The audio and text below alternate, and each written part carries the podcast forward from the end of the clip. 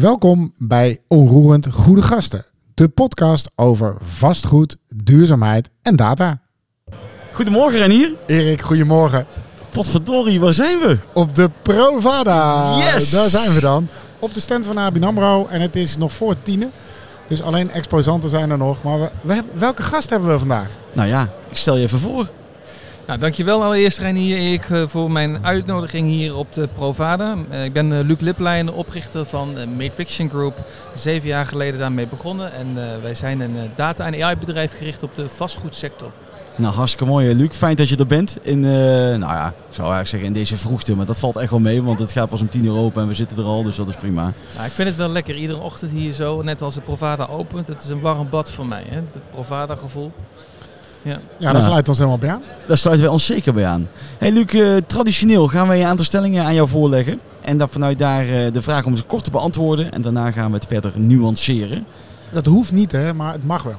Ja, nee, ja precies. Maar wel, ik hoop dat we er toch een klein beetje prikkelen. Dat denk ik ook. Ehm, laten we daar eh, mee beginnen. Ben je er klaar voor? Ik ben er klaar voor. Goed zo. Met grote ogen kijk ik wil zeggen, aan. ik zou nu graag even, eh, zou toch wel een stukje video wel mooi zijn geweest. Hey, eh, Luc, we gaan beginnen. Stelling 1. Menselijk element is cruciaal om commercieel vastgoed te waarderen. Eens. Nou, die kwam er vrij duidelijk uit. Stelling 2. Taxeren zonder referenties is de toekomst. Nee. Hij schudt ook zijn hoofd, hè? Eh, stelling 3. Duurzaamheid zal modelmatig de beste uitkomst gaan geven. Nee. Stelling 4. Het element wat de gek ervoor geeft, blijft lastig te ondervangen met data. Ja. ja. En dan eh, stelling 5. Eh, altijd een beetje een persoonlijke noot in, eh, eh, in, de, in de laatste stelling. Nederland of Dubai? Ha. Ja, geen van beide. Geen van beide. Nou, laten we die dan meteen even gaan vastpakken. Vertel. Ehm, Vertel even wat jij met Dubai hebt. Is misschien, eh, ja, kijk, eh, ik ben natuurlijk geboren getogen Nederlander. Je kan niet eh, veel Hollandser zijn dan, dan deze jongen uit een boerendorp. Dus, ehm, en ik ben in Dubai terechtgekomen omdat mijn vrouw... welk boerendorp dan? Soer en Donk. Nou, Dat ligt in Brabant. dat ligt... Nou, Bij Helmond, toch? nou, nee, onder de rook van Eindhoven. maar Het is... eh, Ik reken het tussen- goed. Tussen Weert en Eindhoven. Maar in ieder geval... Meneer uit Amsterdam rekent het Het, goed. het is eh, inderdaad 40 minuten me- verder naar doorrijden en dan ben je er. Dat maakt niet uit. maar nee, nee eh, zonder gekkigheid. Ehm, dus waarom Dubai? Ik ben daar eh, eh, terechtgekomen een aantal jaar geleden. En ja, nu dus mijn eh, vrouw eh, tegengekomen. En eh, inmiddels eh, ja, word ik dan ook aanstaande vader. Dus ja, we wonen daar met het, eh, met het gezin. Dankjewel. Ehm en eh, nou, zij heeft een Arabische achtergrond en ik vind Dubai gewoon een mega interessant eh, land. Eh, heel, heel jong ontstaan, ze bestaan nog maar 40 jaar. Maar dat ze echt als stad zeg maar, gevormd zijn. Maar ze staan op nummer 4 wereldwijd van het meeste aantal torens gebouwd. Dus dat is even. En zo zijn er een aantal eh, dingen die ik zou kunnen zeggen. Dus wat daar gebeurt en wat er nu uit de grond gestampt wordt, is gewoon gigantisch. Dus ik zie daar wel kansen voor ons. Eh, maar dat is met name ook gewoon dat ik het gewoon een leuke markt vind. Maar als ik kijk naar de markt voor ons, dan is dat Europa. Niet per se Nederland, niet per se ehm, eh, Dubai als hub naar het Midden-Oosten, maar ik zie Europa als de markt voor ons. De reden daarvan is dat wij een technologiebedrijf zijn en ja, zoals het bij technologiebedrijven speelt, kun je euro maar één keer uitgeven. En Ja, wil misschien, je, misschien is het dan even goed om dat duidelijk te geven. Even met Nutrition Group, eh, eh, wat doen jullie precies? Ja, wij focussen vooral op het zeg maar datagedreven beslissingen voor de vastgoedsector. Waar we heel erg op thema woningwaarderingen zitten en ook de ESG's. Dat zijn met name de thema's die nu bij ons aansluiten. We krijgen feitelijk drie vragen. Wat is, eh, wat is mijn woning waard? Of wat is de portefeuille waard? Wat zijn de kansen op de portefeuille? Want er zijn de risico's in de portefeuille. Ook weer gelet op de waardeontwikkeling. Nou, daar, daar, daar willen wij antwoorden op geven en die zijn eigenlijk altijd eh, data gestuurd. en wanneer heb jij het bedrijf opgericht, eh, Luc? Het bedrijf is opgericht zeven jaar geleden. En jij bent CEO, Ja. oprichter. Ja, ik ben oprichter CEO en we hebben sinds kort een investeerder aan boord, sinds een halfjaartje. Dus eh, er is eh, wel wat veranderd. Goed zo. Leuk. Ja, zeker heel leuk. We gaan nu echt eh, van een one-man show met een paar discipelen eromheen naar echt een organisatie eh, die staat met een goede, goede directie en eh, de goede governance. En dat is wel echt, een echt een groot verschil. Ja. Mooi. Mooi om te horen, Luc. Hey, laten we even wat dieper ingaan op, eh, op eh, de stellingen die, eh, die wij even benoemden. Even teruggaan naar stelling 1. Eh, het menselijk element is cruciaal om commercieel vastgoed eh, eh, te waarderen. Je antwoord was daar ja op.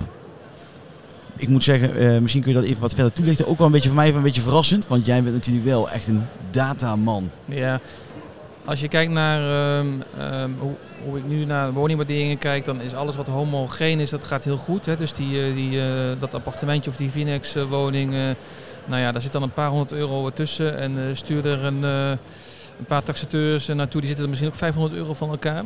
Maar stuur je diezelfde eh, taxateurs naar een boerderijtje ergens in de polder met een mooi zwembad waar gewoon veel meer emotie zeg maar, bij komt kijken, of persoonlijke voorkeur of smaak. Ja, dat is gewoon heel moeilijk eh, op dit moment in ieder geval in modellen te vangen. Je weet nooit waar de wereld over 50 jaar staat. Maar als ik gewoon kijk naar de komende 5 tot 10 jaar, zie ik dat het menselijke element cruciaal blijft voor panden met, eh, ja, hè, met een, gewoon een unieke beleving. En hetzelfde speelt bij commercieel als panden. Een, een- Dat was het bruggetje wat ik wilde Ja. maken. Ja. ja, Als, als panden zeg maar een, een bureau- eh, bijzondere karakteristieken hebben of er zijn bepaalde ontwikkelingen in de buurt die je niet echt uit de data kan halen, toekomstgericht, ja, dat, dan heb je die lokale kennis nodig. Dus dat is niet alleen het menselijke aspect, Ja. maar menselijk aspect is dus ook iemand met lokale kennis. Eh, en als die er niet is, dan, dan, ga, je, dan ga je nat. En noem eens een voorbeeld dan, waar je dan van merkt, dan, ja, dan, dat is wel echt die menselijke element wat je moet, ja, wat, wat cruciaal is om dit goed te doen. Ehm, eh, meer een, een- vanuit een datatechnische benadering. Hè? Even puur datatechnisch. Je kan eh, een object betitelen als een eh, grachtenpand, een hoekwoning en een appartement. En in theorie kan het alle drie waar zijn. Precies. Maar ja, goed. Eens. En, Ja. en dan, dan is het zo, dan heb je dat als input en dan ga je dan op modelleren. Nou, dat is dan één kenmerk. En ik zeg nou niet dat het model daarop vastloopt, want je kan zoveel mogelijk kenmerken toevoegen als je wil. Maar, maar dat, dat geeft dan wel ruis op het radar. Dat is een heel simpel voorbeeld. Maar er zijn natuurlijk andere voorbeelden te bedenken die te maken hebben met eh, ja, publieke voorzieningen die eraan komen. Die nog nergens bekend zijn, die nog nergens gemeld zijn. Maar het gaat wel door de markt dat je weet van oké, daar komt een Starbucks bij. En daar komt een, wordt toch waarschijnlijk wordt er een hotelletje zeg maar, gebouwd. En daar komt een, eh, misschien een stationnetje bij. Nou, als dat soort ontwikkelingen gaande zijn, ja, dan weet je gewoon dat heeft eh, gigantisch veel invloed op de, op de, op de ontwikkeling van, eh, van het object daar. Maar dus, of niet maar, ik hoor je zeggen dat het uiteindelijk dus ook gaat om, die, om dat menselijke element. Hè? Ik noem dat al de expert opinion, waarbij je Ja. benadrukt ook die lokale eh, kennis. Ja. Hoe, hoeveel eh, taxaties zijn er al gegaan via jullie platform in Nederland? Kun je daar Meer, iets over zeggen? eh, meer dan 1 miljoen. Meer dan 1 miljoen. Ja, ja, ja. Dus eh, kijk, we zijn in die zin wel een, een, een- inderdaad een partij die gericht is op volume. Maar ik vind de vraag altijd interessant. Voor wie doe je de waardebepaling? En zou is, mijn is, is, het dan, is het dan de, de marktwaarde of de waarde voor een bijzonder beheerafdeling of de herbouwwaarde of de waarde voor de WUZ-waarde? Of eh, ja, is het ook aan welk belang dien je? Is het de belang van die ene consument die je tegen zichzelf wil beschermen voor overkreditering? Of is het een portefeuille op, eh, hè, voor een stresstest, eh, omdat het gewoon vanuit de DNB eh, gewoon een eis is? Dan hebben we het over dezelfde marktwaarde.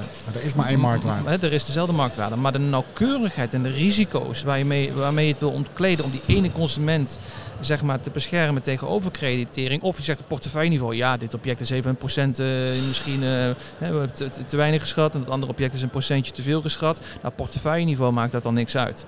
Hè, dus, dan is, dus ook dat soort dingen zijn wel belangrijk om een oogschouw eh, te nemen. En, en ja, als ik even op in ga nog, want ik hoor natuurlijk op dit moment, is altijd een beetje een lastig onderwerp voor mijn buurman, maar als ik het desktop taxatie komt regelmatig dan ook voorbij. Hoe kijk jij daarnaar? Ehm, Hè, dat is natuurlijk altijd, we zijn nu op bij Provada, dat gaat er dit jaar ook wel over. Wie zijn er bezig met eh, eh, de taxateurs? Die Ja. zeggen van ja, Ja. weet je, juist al die elementen hè, eh, van, van de eventueel eh, nieuwe sociale voorzieningen of wat dan ook, cruciaal. ja. Ehm, terwijl aan de andere kant geluid is, hè, het moet goedkoper, het moet sneller, het, moet, het kan ook een desktopprestatie. Het is natuurlijk altijd een eh, beetje een disbalans. Wat, wat, hoe kijk jij daarnaar? Kijk, in, de, in, in essentie is een taxatie in dat proces een, een risico, hè, een, product om risico's zeg maar, te ondervangen. En afhankelijk van zeg maar, hoe groot de risico's zijn, wil je daar een instrument bij laten aansluiten dat passend is. Ehm, ik kan me voorstellen dat als er een loan-to-value is eh, van zeg maar 90 eh, procent en het een bepaald type, eh, Niet toevallig gekozen, denk ik. niet, ja, niet toevallig gekozen, nee. Dat zit er zo ingestampt bij mij, hè. het is gewoon automatische piloot. dat, eh, en je zit met bepaalde woningtypes ehm, die eh, zeg maar in, een, eh, in een, een, veilige risicoklasse vallen.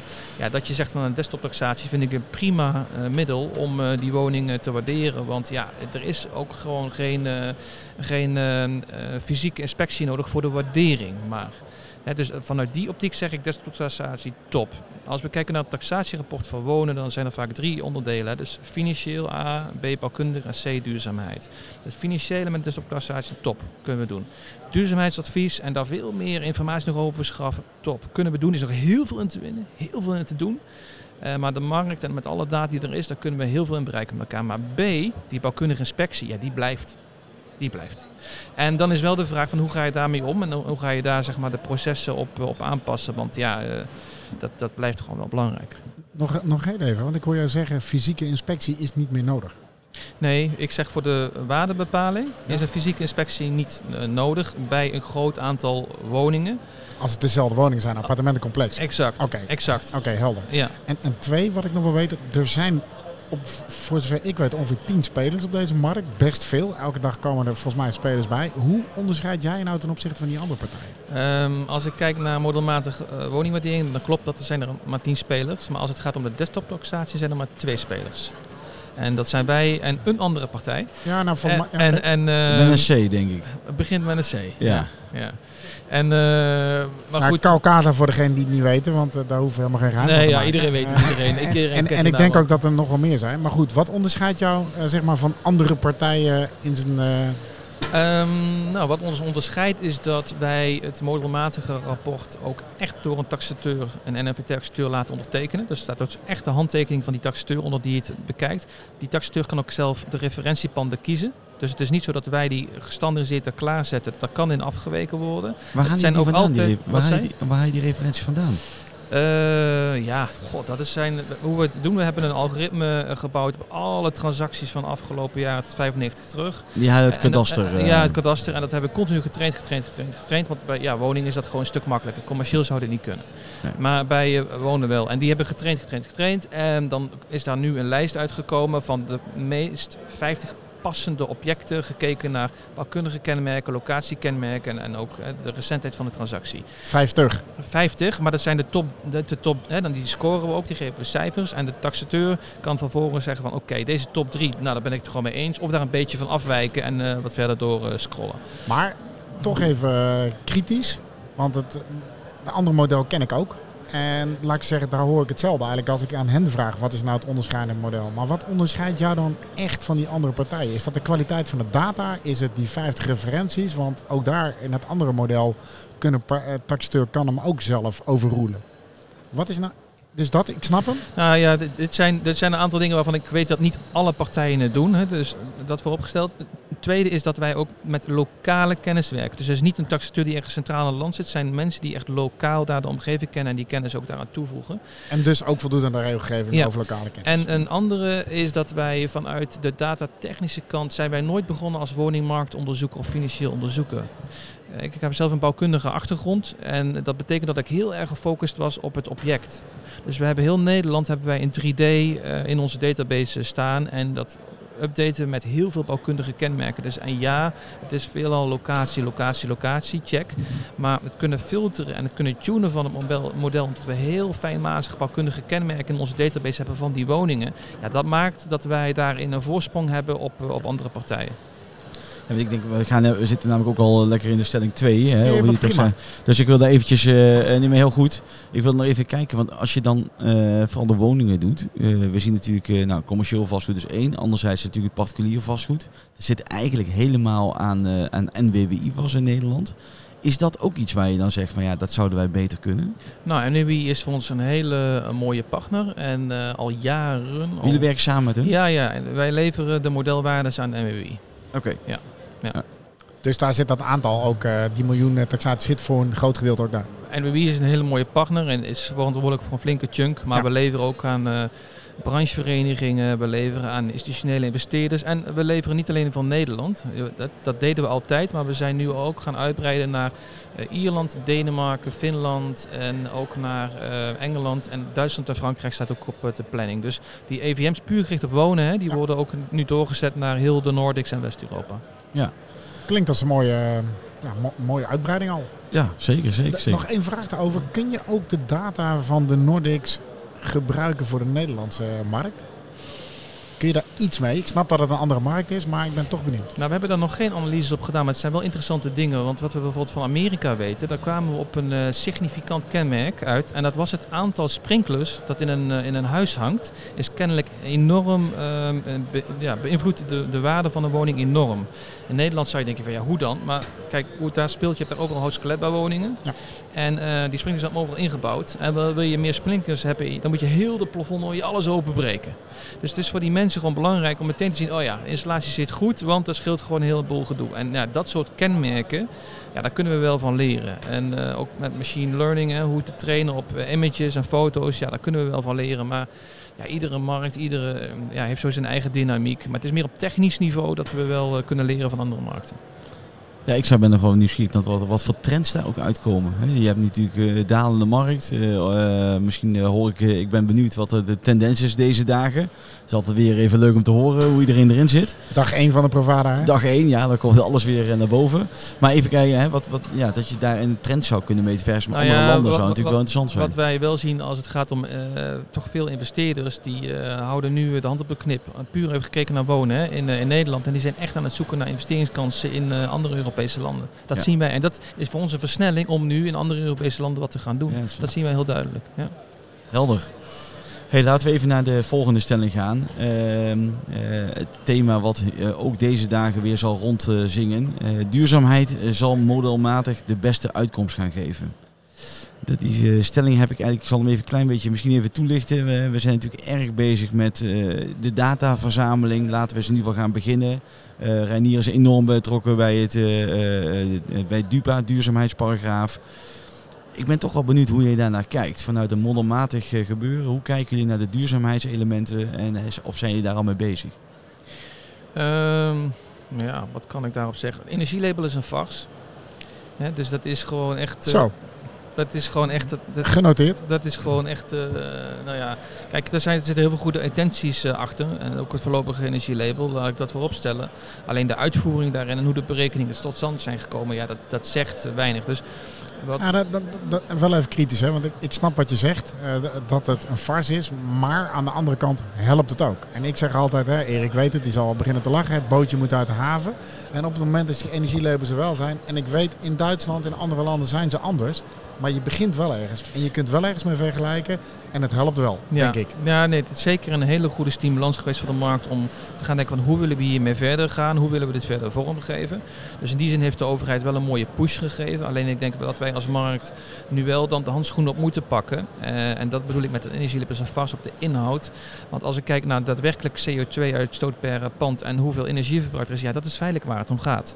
En ja, dat zou je, dat zou je wel zeg maar specifieker eh, willen, willen weten per pand. En ja, juist met dat thema zijn wij bezig om dat, eh, ja, om dat eh, echt te tunen.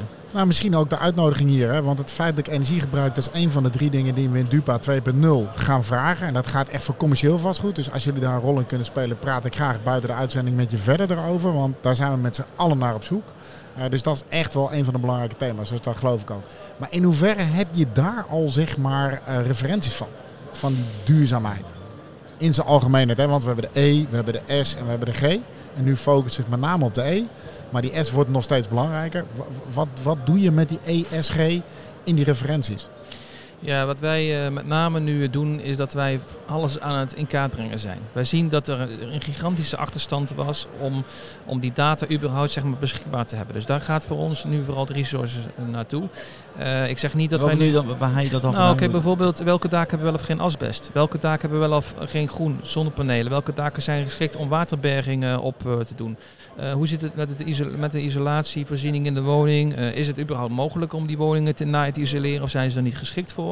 Of spelen hele andere dingen, gekeken naar de S als het gaat om de bereikbaarheid van een pand. Of de architectonische uitstraling waarvan je zegt van ja, het is een beschermd stadsgezicht, het is een monument. En dat is dermate belangrijk voor de buurt dat we accepteren dat we qua energie eventjes wat minder eh, doen. Maar die S, daar scoren we heel goed op, want het, het, object heeft een bepaalde maatschappelijke functie binnen die buurt. Nou, op die manier dan naar kijken is belangrijk. Maar ik zit nu nog steeds heel erg op het pand, op het object. Daaromheen zien wij dat ja, inf- informatie over de luchtkwaliteit bijvoorbeeld en over de geluidszender, ja, dat dat ook toenemend eh, zeg maar, gevraagd wordt. Als je kijkt naar dingen bij Tata Steel en alles wat er omheen gebeurt, ja, mensen willen gewoon weten van ja, wat, wat, wat gebeurt er. En ook die informatie zien wij echt als een onderdeel van, eh, van die ESG's. Ja, ik, we zaten twee weken geleden bij Mohammed Baba van eh, bestuursvoorzitter van Haag Wonen, coöperatie. Nou, en, en die gaf ook aan, die S is bij ons ook veel belangrijker. Het gaat om die leefbaarheid, om die veiligheid in die wijken. En dat is dus niet het object. Maar ik kan me voorstellen dat daar ook een enorme trigger in zit voor die waarde. Maar zover ben je dus nog niet. Nee, nee want de, data eh, eh, moet eerst in kwaliteit en kwantiteit verder omhoog voordat we dat meenemen in de, in de waardes. We hebben daar wel een test op gedaan. Hè. Kijk, zonnepanelen, daarvan weten we dat bij bepaalde woningtypes is dat waardeverhogend. Dat, dat weten we.